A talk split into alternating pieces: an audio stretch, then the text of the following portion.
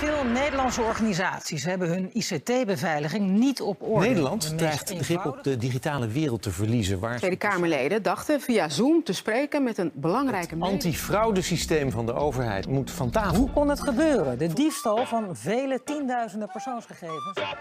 Onze samenleving wordt steeds digitaler. En zo ook de overheid.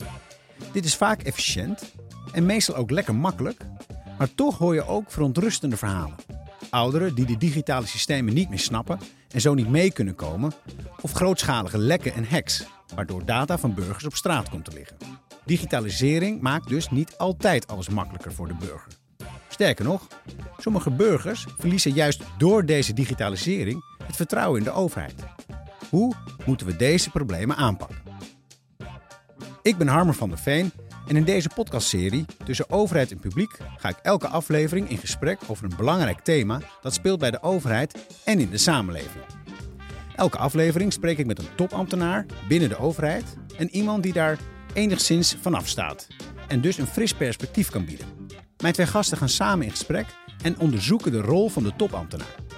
In deze aflevering kijken we naar de risico's van de digitale overheid en gevolgen van de digitalisering voor het vertrouwen van de burgers in de overheid. Specifiek kijken we naar ethische vragen rond mensen die niet digitaal vaardig zijn, algoritmes en privacy. Dit doe ik samen met José van Dijk. Ik ben uh, hoogleraar media en digitale samenleving aan de Universiteit Utrecht. En daar doe ik uh, onder andere onderzoek naar digitalisering, bijvoorbeeld van het onderwijs, maar ook van uh, overheden. Uh, we zijn bezig met natuurlijk de grote impact van algoritmes op de samenleving. En daar zijn een heleboel onderzoekers op dit moment in geïnteresseerd. En ik ben heel daarom ook, dankjewel voor dit gesprek. En ik ben zeer geïnteresseerd in wat de overheid kan doen in termen van digitalisering en hoe we dat kun, die processen kunnen verbeteren. Ook spreek ik met Ron Roosendaal. Ja, Ron Roosendaal. Um, sinds um, een paar maanden uh, plaatsvervangend DG Digitalisering en dan als kwartiermaker bij Binnenlandse Zaken. Ja, en wat doet een kwartiermaker? Um, nou ja, die gaat als eerste de post invullen en uh, uh, dingen zo uh, organiseren dat daarna iemand het echt kan gaan doen. Dat is echt uit het leger, hè? komt dat? Ja, ja precies. Fascinerende term meteen. Maar ga verder. En je bent, ja. je bent plaatsvervangend DG, directeur-generaal. Ja. ja. Ja, uh, die, die positie bestond dus ook nog niet, hè? die is nieuw.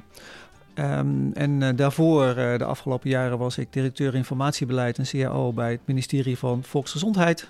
Uh, dat gaat over gegevensuitwisseling in de zorg en digitalisering in de zorg. Waarvan de laatste twee jaar verantwoordelijk voor nou ja, dingen die iedereen ook wel kent. Daarnaast ja. nou, coronacheck en dat soort dingen. Ja, ik heb denk ik twee apps van jou in mijn telefoon. Ja. De coronamelder en de... Ja, dat, kan, dat zou goed kunnen. Dat geldt voor, voor de... Voor, nou ja, als het om coronacheck gaat, gaat het zo'n zo'n 10 miljoen Nederlanders. Ja. Nou, een beroemdheid vind ik wel.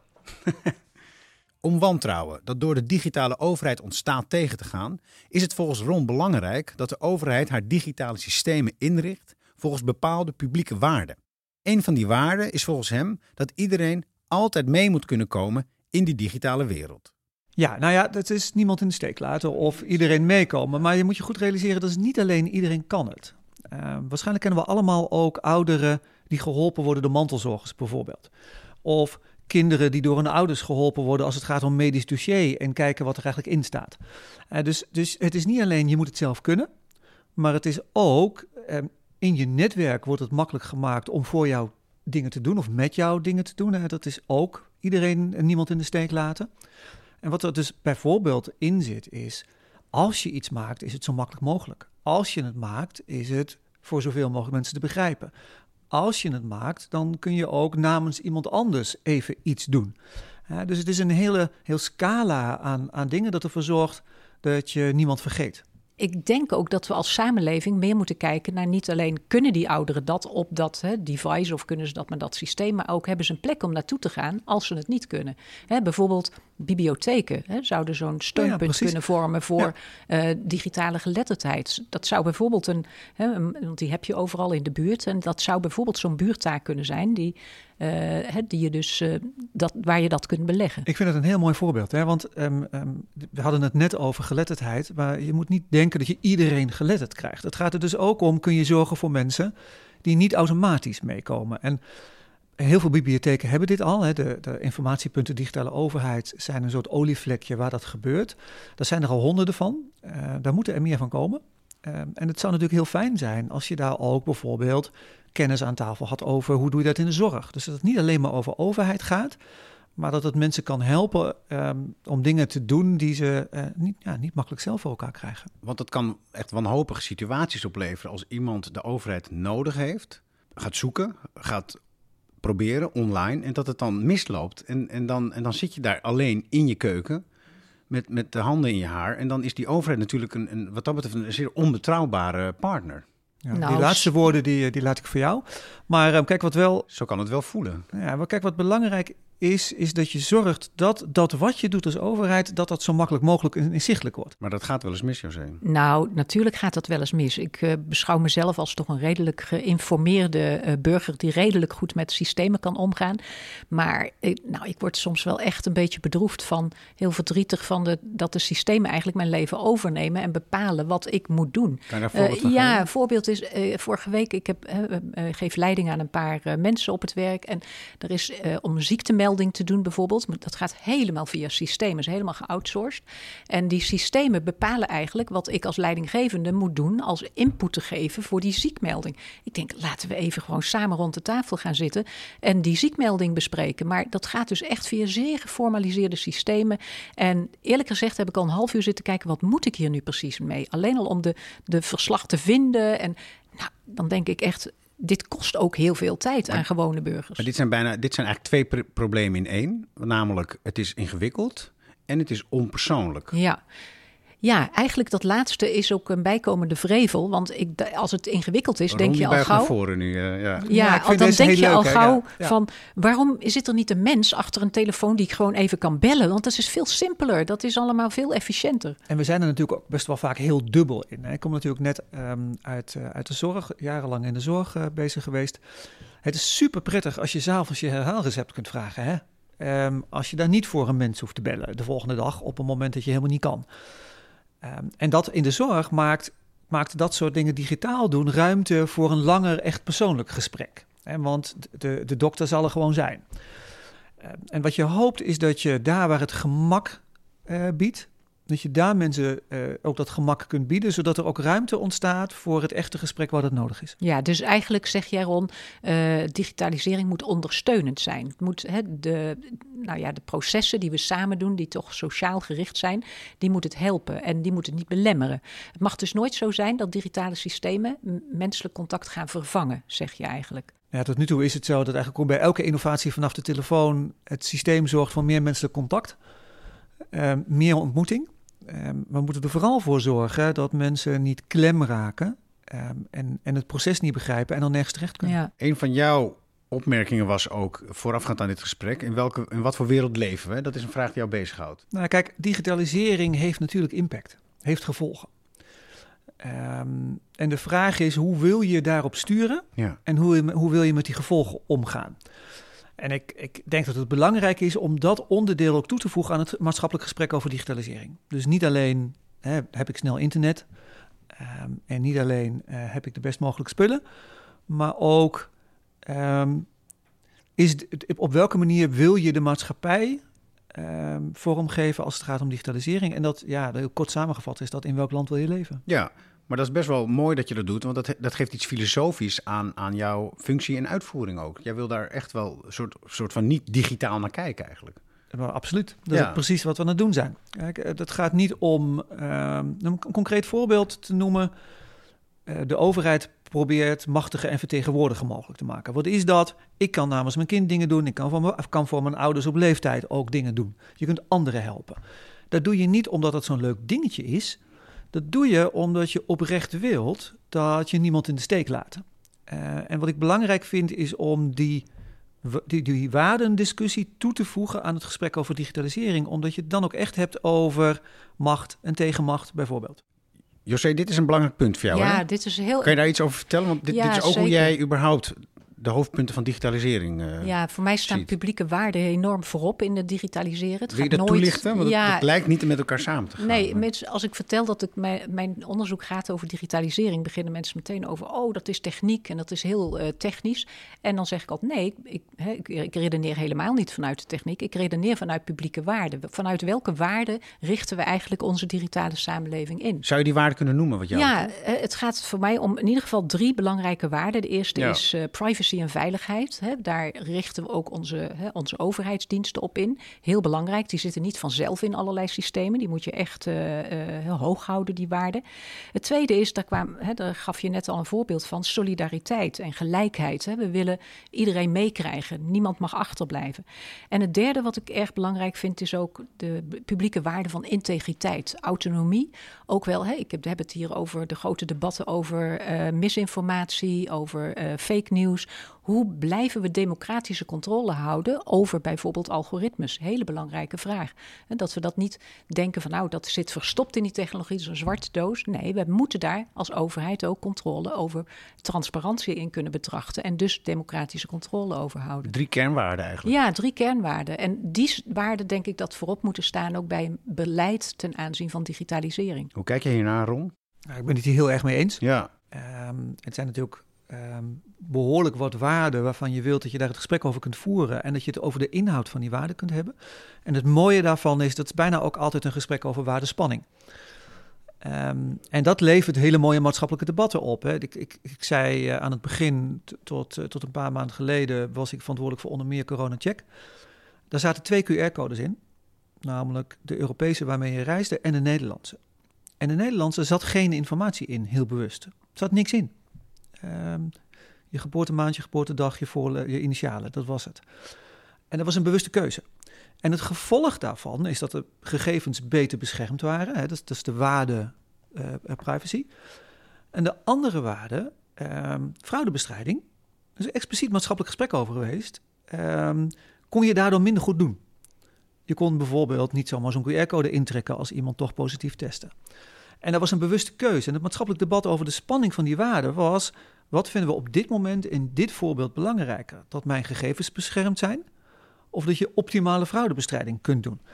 Ehm, en dus heb je het, als je het hebt over, politiek, over publieke waarden, heb je het bij voortduring over concrete situaties waarin je concrete waardespanning met elkaar bespreekt. dus achter die digitale wereld, zo je wilt, digitale muur die soms de overheid lijkt op te trekken, gaat dus wel degelijk een echte maatschappelijke, politieke en morele discussie schuil. Ook de keuzes die je maakt, als ik Ron zo hoor. Ja, en dat is ook juist heel goed. Want goed eh. Ron heeft helemaal gelijk. Het publieke waarde kun je niet even van eh, naar een winkel gaan en ze daar kopen en ze gewoon implementeren. Daar moet je juist over discussiëren. En dat gebeurt ook op de werkvloer. Elke overheid, lokaal, eh, nationaal, elke, elke ple- werkplek eigenlijk waar digitale technologie geïmplementeerd wordt, moet ook een discussie plaatsvinden over die publieke waarden. Of dat nu in het onderwijs is of in de zorg, ook hè, bij de overheid zelf.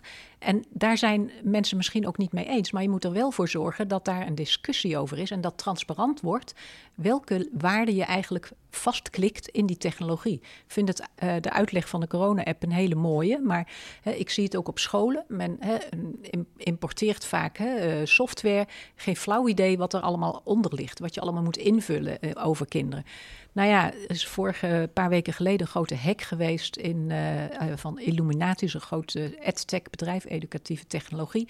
Kwamen van een miljoen kinderen de, alle gegevens op straat te liggen. En wat bleek nu? Die, die systemen hebben allerlei dingen vastgelegd over de thuissituatie, over sociaal-economische status eigenlijk van kinderen, of ze wel eens achterblijven met, de, hè, met, eh, in aandacht. Allerlei dingen die helemaal niet op straat horen. Daar moet je dus van tevoren over hebben. Wat stop je in systemen, wat niet? Wat wordt verwerkt, wat niet? Dus in elke school, wat mij betreft, wordt ook die discussie gevoerd over wat doet hier, hè, op welke waarden zijn onze systemen gebaseerd en wat, wat kunnen we daarmee? Maar dit gaat En daarmee, eh, Ja. wat mij betreft ook, hè, dus ook, ehm, ook, ook in onderwijs en opvoeding, cruciaal Zeker. om ook te leren eh, zo te redeneren over eh, de hulpmiddelen die je gebruikt. Ja, en dat je niet naïef moet zijn Ja, en, en voorzichtig moet zijn. Maar José, dank voor de brug, want ik wilde nu naar hacks en dataleks.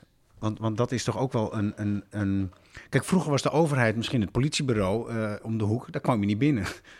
Maar, ehm, maar, maar digitaal kan je soms veel makkelijker ergens binnenkomen. En, en is, is, het, is het soms makkelijker om om de boel eh, te beroven. En dat is ook de digitale overheid. En dat, en dat is dan toch wel een heel groot probleem. Van, is het veilig genoeg?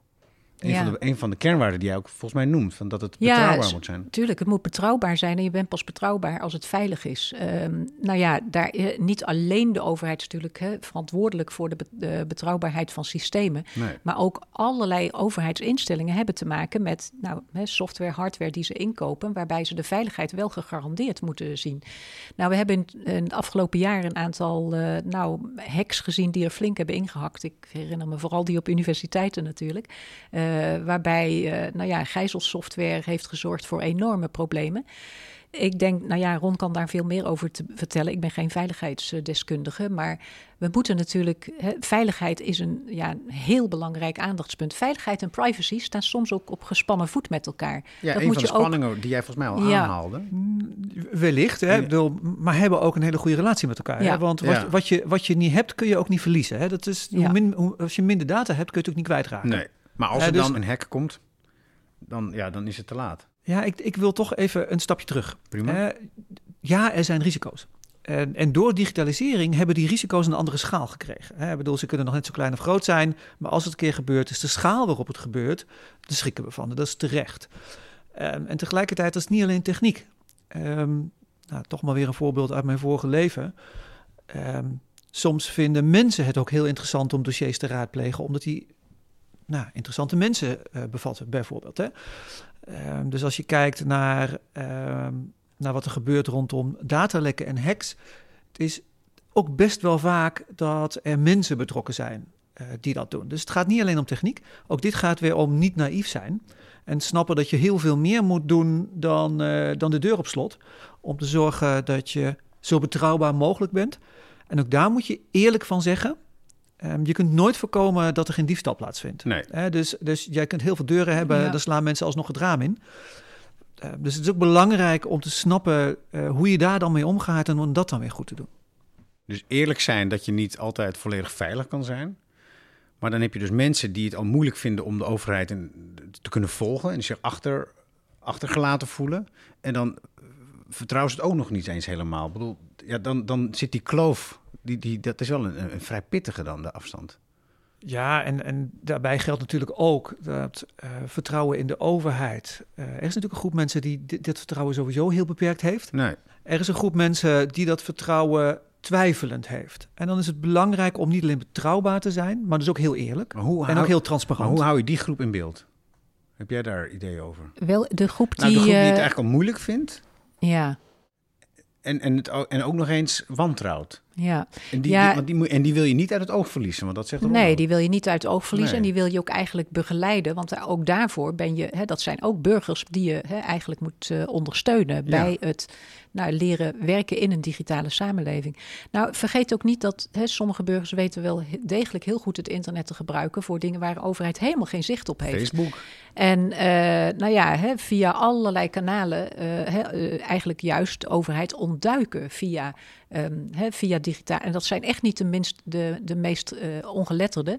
Dus wat dat betreft heeft een overheid ook een soort ja, nieuwe eh, nou, tegenstander. Nou, een nieuwe eh, soort van burger erbij gekregen. Waar ze denk ik vroeger een beetje, nou niet het zozeer het zicht op hadden. Maar die buiten alle officiële of bekende digitale kanalen om allerlei dingen opzetten waar de overheid nauwelijks meer zicht op heeft. Ja. En heb ik het niet eens over cybercriminelen, wat natuurlijk een hele grote groep is en hè, duidelijk hè, bij justitie eh, Ja, maar ik doelde dus is. op die, op die burger die eigenlijk twee keer het lastig vindt. Dus, dus waar we mee begonnen, eh, digitaal niet mee kunnen komen. En dan ook nog eens Ja. eh, geconfronteerd worden met, ehm, ja, met, met Systemen die- en zo. Ja, dataleks Wat en doen we met die systemen burger? We die. moeten wel erg proberen. Uiteindelijk moeten ze mee. Want hoe hard wij gaan digitaliseren, uiteindelijk zijn het ook gewoon onze medeburgers. Ja, een deel van dit probleem is de complexiteit van hè, digitale systemen. Die zijn inmiddels zo complex geworden dat eh, nou ja, niet alleen de gewone burger, maar zelfs de zeer opgeleide en hè, wel opgevoede burger ze ook niet meer begrijpt. En die, ik denk dat we daar vooral eh, heel erg mee uit moeten kijken. Dat systemen niet zodanig complex worden dat we zelf. eh, of dat we zelf, dat hè, de overheid zelf nauwelijks meer vat heeft Maar wat zou een op oplossing kunnen zijn? Ik denk voor een groot deel hè, uh, transparantie betrachten. Altijd duidelijk maken als overheid hoe je systemen inzet en gebruikt. Dus dat vind ik een hele belangrijke publieke waarde. En altijd uitleg kunnen geven. Dus altijd kunnen uitleggen, dit doen we om die reden. En Ja. hè, met die onderliggende waarden. En dit kan denk- soms fout gaan. Want dat, dat, En dat gaat soms zeggen we dan fout. ook gewoon eerlijk. Ja. Ja, en ik ben het eh, heel erg met, met José eens. Dit gaat, aan de voorkant gaat het over wet en regelgeving maken die inzichtelijk is en uitvoerbaar. Het is duidelijk, hè, de systemen zijn afgeleid van wat we beogen te beslissen met elkaar. Of je ehm, eh, wel of niet ehm, een studietoelage geldt, hangt af van wat we elders hebben vastgelegd over inkomen, bijvoorbeeld, van ouders. Maar wat is het doel precies? Wat is het dus- idee? We maken constructies met elkaar en die, die zijn natuurlijk, nou ja, die beginnen bij wet en regelgeving. Dat wordt dan uitgevoerd en dan is het cruciaal dat je dat dat zo transparant mogelijk gebe- ge- gebeurt. Dat je, dat je aan mensen kunt uitleggen welke gegevens je gebruikt om tot een besluit te komen en waarom. Ja. En dat er voor mensen die van kastje naar muur wordt gestuurd, dat er een plek is waar je naartoe kunt en kunt zeggen, ja, volgens mij klopt er hier iets niet. Nee.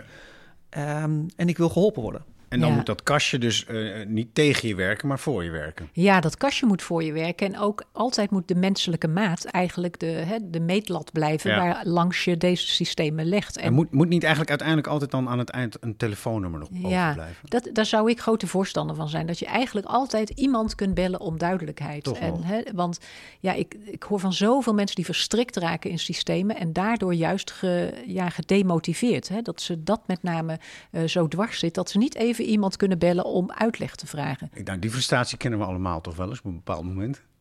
Dat je gewoon eh, uitroept, mag ik gewoon een mens aan de lijn? Maar ja, Ja, ja en, en tegelijkertijd hebben we zien dat, eh, dat is natuurlijk niet iets typisch van de overheid. Hè? Nee. grote bedrijven nee, die diensten aanbieden, aan aanbieden hè? Ik bedoel, ja, precies, de voorbeelden die nu in Ja. mijn hoofd komen zijn ook van dienstverleners, commerciële dienstverleners. Precies. ja. Die uit eh, financiële overwegingen zo min mogelijk mensen aan de Ja, telefoon... en die eh, e- eindeloos op een site een rondje laten maken. Ja. Naar, eh, vul hier maar je nummer in, dan e-mail je terug. En, dan, en zo, blijf je, zo blijf je vastzitten. Behalve ambtenaar, half ambtenaar zou ik maar zeggen, eh, zijn we toch ook allemaal drie burgers. En zullen we ook zelf wel eens wat hebben meegemaakt met, eh, met, met misschien ook wel negatieve ervaringen rond. Kan jij daar iets over vertellen? Een, een, een negatieve ervaring met de digitale overheid?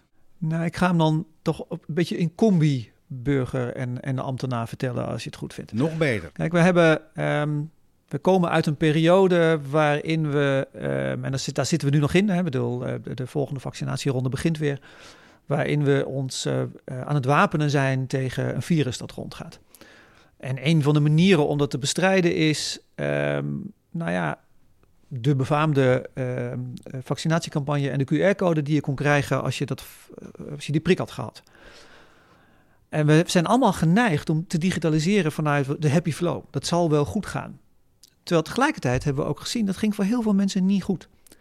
En het is super belangrijk om ervoor te zorgen dat, het, dat je uiteindelijk voor iedereen een oplossing biedt. Dus in die periode, de afgelopen jaar ongeveer, is heel veel aandacht uitgegaan naar wat als het fout gaat.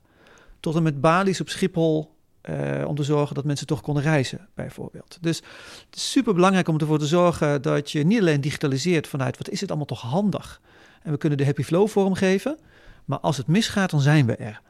Ehm, en dat geldt voor mensen om me heen eh, bij wie dat gebeurde. Maar het, dat gold voor best veel mensen. En het, ik vind het echt heel belangrijk om die waarde niemand in de steek laten. Ehm, om die echt handen en voeten te geven en die concreet te maken. En eigenlijk, dat was het leuke van dit gesprek. Hè, dat in het gesprek waarin we nu zitten, eh, gaat het continu over, ja, dat is mooi die waarde. Maar wat betekent die dan? Maak die eens concreet. En wat doe je dan? Nou, dat betekent dus dat mensen bij bibliotheken geholpen worden. Dat betekent dus dat je voor je ouders iets kunt doen in de digitale overheid. Dat betekent dus dat. En het is heel belangrijk om het gesprek over waarde te koppelen aan wat betekent dat voor jouw handelen. Mag ik daar een voorbeeld aan toevoegen? En die heeft ook met corona te maken. We hebben afgelopen 2,5 jaar ook in het onderwijs steeds meer hè, gedigitaliseerd. We zijn hele, ja, denk aan onze basisscholen die, hè, waar de kinderen thuis zaten en die online les moesten krijgen. Nou, daar hebben we toch ook wel, eh, denk ik, heel veel lessen uit moeten leren. Want eh, een aantal van die kinderen hadden een thuissituatie die eigenlijk hè, alleen maar de kloof groter maakte tussen de kinderen die toch al ondersteund worden thuis. En die werden nog eens extra ondersteund, want die ouders snapten ook heel goed hoe die systemen werken. En de kinderen wiens ouders nou, de taal al nauwelijks spraken, maar al helemaal geen middelen hebben om hun kinderen te helpen of te ondersteunen. En nou, tijdens die coronapandemie zijn denk ik die verschillen ook nog eens heel groot geworden. En we hadden het straks over die digitale kloof. Dit is een van de effecten waar we heel concreet hè, echt in in onze ja, ideeën van we willen, we willen communities, we willen geen, uh, geen digitale communities, maar juist we willen mensen ondersteunen die dit moeten kunnen waarmaken. Nou, ik denk onderwijs is een hele belangrijke factor in, de, in, uh, in digitalisering, zowel om het goed te doen als ook om meteen proberen in te grijpen als het fout gaat. En dit was denk ik ook zo'n voorbeeld. Heel erg eens. Ik vind dat het herinnert mij aan een ander voorbeeld, ook uit het onderwijs. En dat ging echt over, wil je deze vorm van algoritmische vooroordelen hebben? De universiteiten zetten middelen in om te zorgen dat er niet gespiekt werd bij tentamens op afstand. Ja, en een van die middelen bleek mensen met een donkere huidskleur veel minder goed te zien als mens. Ja, dat is, dat is echt. En dan krijg je een heel ander gesprek over in welk land wil je leven. Wil je echt oprecht verschil, dat een algoritme verschil maakt in, in hoe die werkt tussen mensen met een donkere of een lichte huidskleur? Niet alles wat kan, moet ook. Precies. En de coronatijd heeft wel alles eh, in een scherp licht gesteld. Ja, Veel leermomenten ook voor overheid. En, uh... Ja, bijvoorbeeld die proctoring software waar je het over hebt. Die hè, dus kijkt bij het, uh, is heel veel ingezet bij tentamens bijvoorbeeld op universiteiten. En nou, daar zijn ook processen over aangespannen. Want hè, je bent opeens, waan je je bespied in je eigen kamer. En hè, dus camera's die in je eigen kamer moeten gaan, uh, eerst gaan checken of jij niet afkijkt. Nou, dat hè, is bijna een kanon op een mug inzetten, zou ik zeggen. Want wat je met de camera's ja. kunt zien, hè, dat is zo veel meer van je. Hè, dat geeft zoveel meer aan privacy. Uh, ja, en wantrouwen. En wantrouwen. Het, maar het grappige hier is dus, hè, want dit is typisch weer wat vraagt de samenleving van je. Ja. Want foei, mensen kunnen afkijken en zomaar een, een, universitaire titel of een HBO-titel krijgen. terwijl ze uh, uh, ingefluisterd worden uh, voor een tentamen. Dat vinden mensen ook niet goed. Nee. dus we zetten dat in, niet alleen uit wantrouwen, maar ook omdat de behoefte bestaat uh, om dat te doen. Het, dat, dat, dit gaat echt over het schuren van publieke waarden, ja. waar je in alle openheid gesprek over moet voeren. En hiermee kweek je dus eigenlijk wantrouw, nieuwe wantrouwende burgers. Want ja, je zit in een situatie waarbij het uitgangspunt is: wij wantrouwen jou. Want in principe spiek je. Het is niet in principe spiek je niet. Nee, we hebben die camera's om in. En die normalisatie van ja, surveillance noem ik het altijd. Dat, nou, daar moeten we toch wel heel goed over nagaan, nadenken. Want willen wij in de toekomst in een samenleving waar je van wieg tot graf wordt bespied door camera's en dat volstrekt normaal vindt? Een retorische vraag, geloof ik. Dat is, een, dat is echt een retorische vraag. Ja, ik denk nee. Ik denk ook dat het antwoord nee is. Precies. Ik wilde tot slot nog één belangrijk onderwerp even behandelen. In dat kastje in de digitale overheid zitten dus ook de algoritmes, die erg goed voor ons kunnen werken, maar die ook verschrikkelijke dingen hebben veroorzaakt in de toeslagenaffaire. Dat is wel echt een voorbeeld, een Frankenstein-voorbeeld van onze digitale wereld en de overheid en de burger. Ron, wat zou jij daarop willen reageren over dat, de inzet van algoritmes dan? Ja, dat begint met uh, wat is een algoritme eigenlijk? Nou ja. Want dat wat in de toeslagenaffaire gebruikt, wordt, waren, gebruikt werd, waren tamelijk simpele rekenregels. Um, dat was niet een algoritme in de zin die wij nu bedenken. Hè. Dus, dus ik, ik, toch maar weer, ik kom net uit de zorg. Uh, daar worden heel veel algoritmen gebruikt waarvan we niet meer precies weten hoe ze werken, maar we weten wel dat ze levens redden. En eigenlijk geldt dat voor dokters ook. Uh, als je dokter bent, dan word je uh, goed gevolgd op, op hoe je werkt. Maar er wordt niet precies bevraagd bij elk besluit... hoe heb je dat besluit precies genomen. Oké, okay, maar nu moet je echt naar het punt dat ik dit ga begrijpen. Nou, dat betekent dus dat wellicht transparantie van hoe het precies werkt... minder belangrijk is dan heel zeker weten en kunnen toetsen... dat het niet fout werkt. Oké. Okay. Bij, bij algoritme in de zorg is het zo... daar wil je getoetst hebben dat het de gezondheid ten goede komt. Maar in de toeslagenaffaire heeft het algoritme het niet goed gedaan. Nou, de vraag is, ik begin, te, ik begin te zeggen met, is dat een algoritme geweest? Of waren het mensen die gedacht hebben dingen mee te nemen in hun besluitvormingsproces waarvan je dat niet zou moeten willen. Is dit kijk, een vraag, José? Ja. ja, kijk, een algoritme bestaat niet. Dat wordt gemaakt. Dat wordt gevoed. Wordt gevoed met input, inputvariabelen. En uh, als je de verkeerde inputvariabelen geeft, of althans ge, met, daar, met vooroordelen, bijvoorbeeld, heeft deze mevrouw ooit een betalingsachterstand gehad? Heeft ze ooit een keer vergeten te betalen, simpelweg?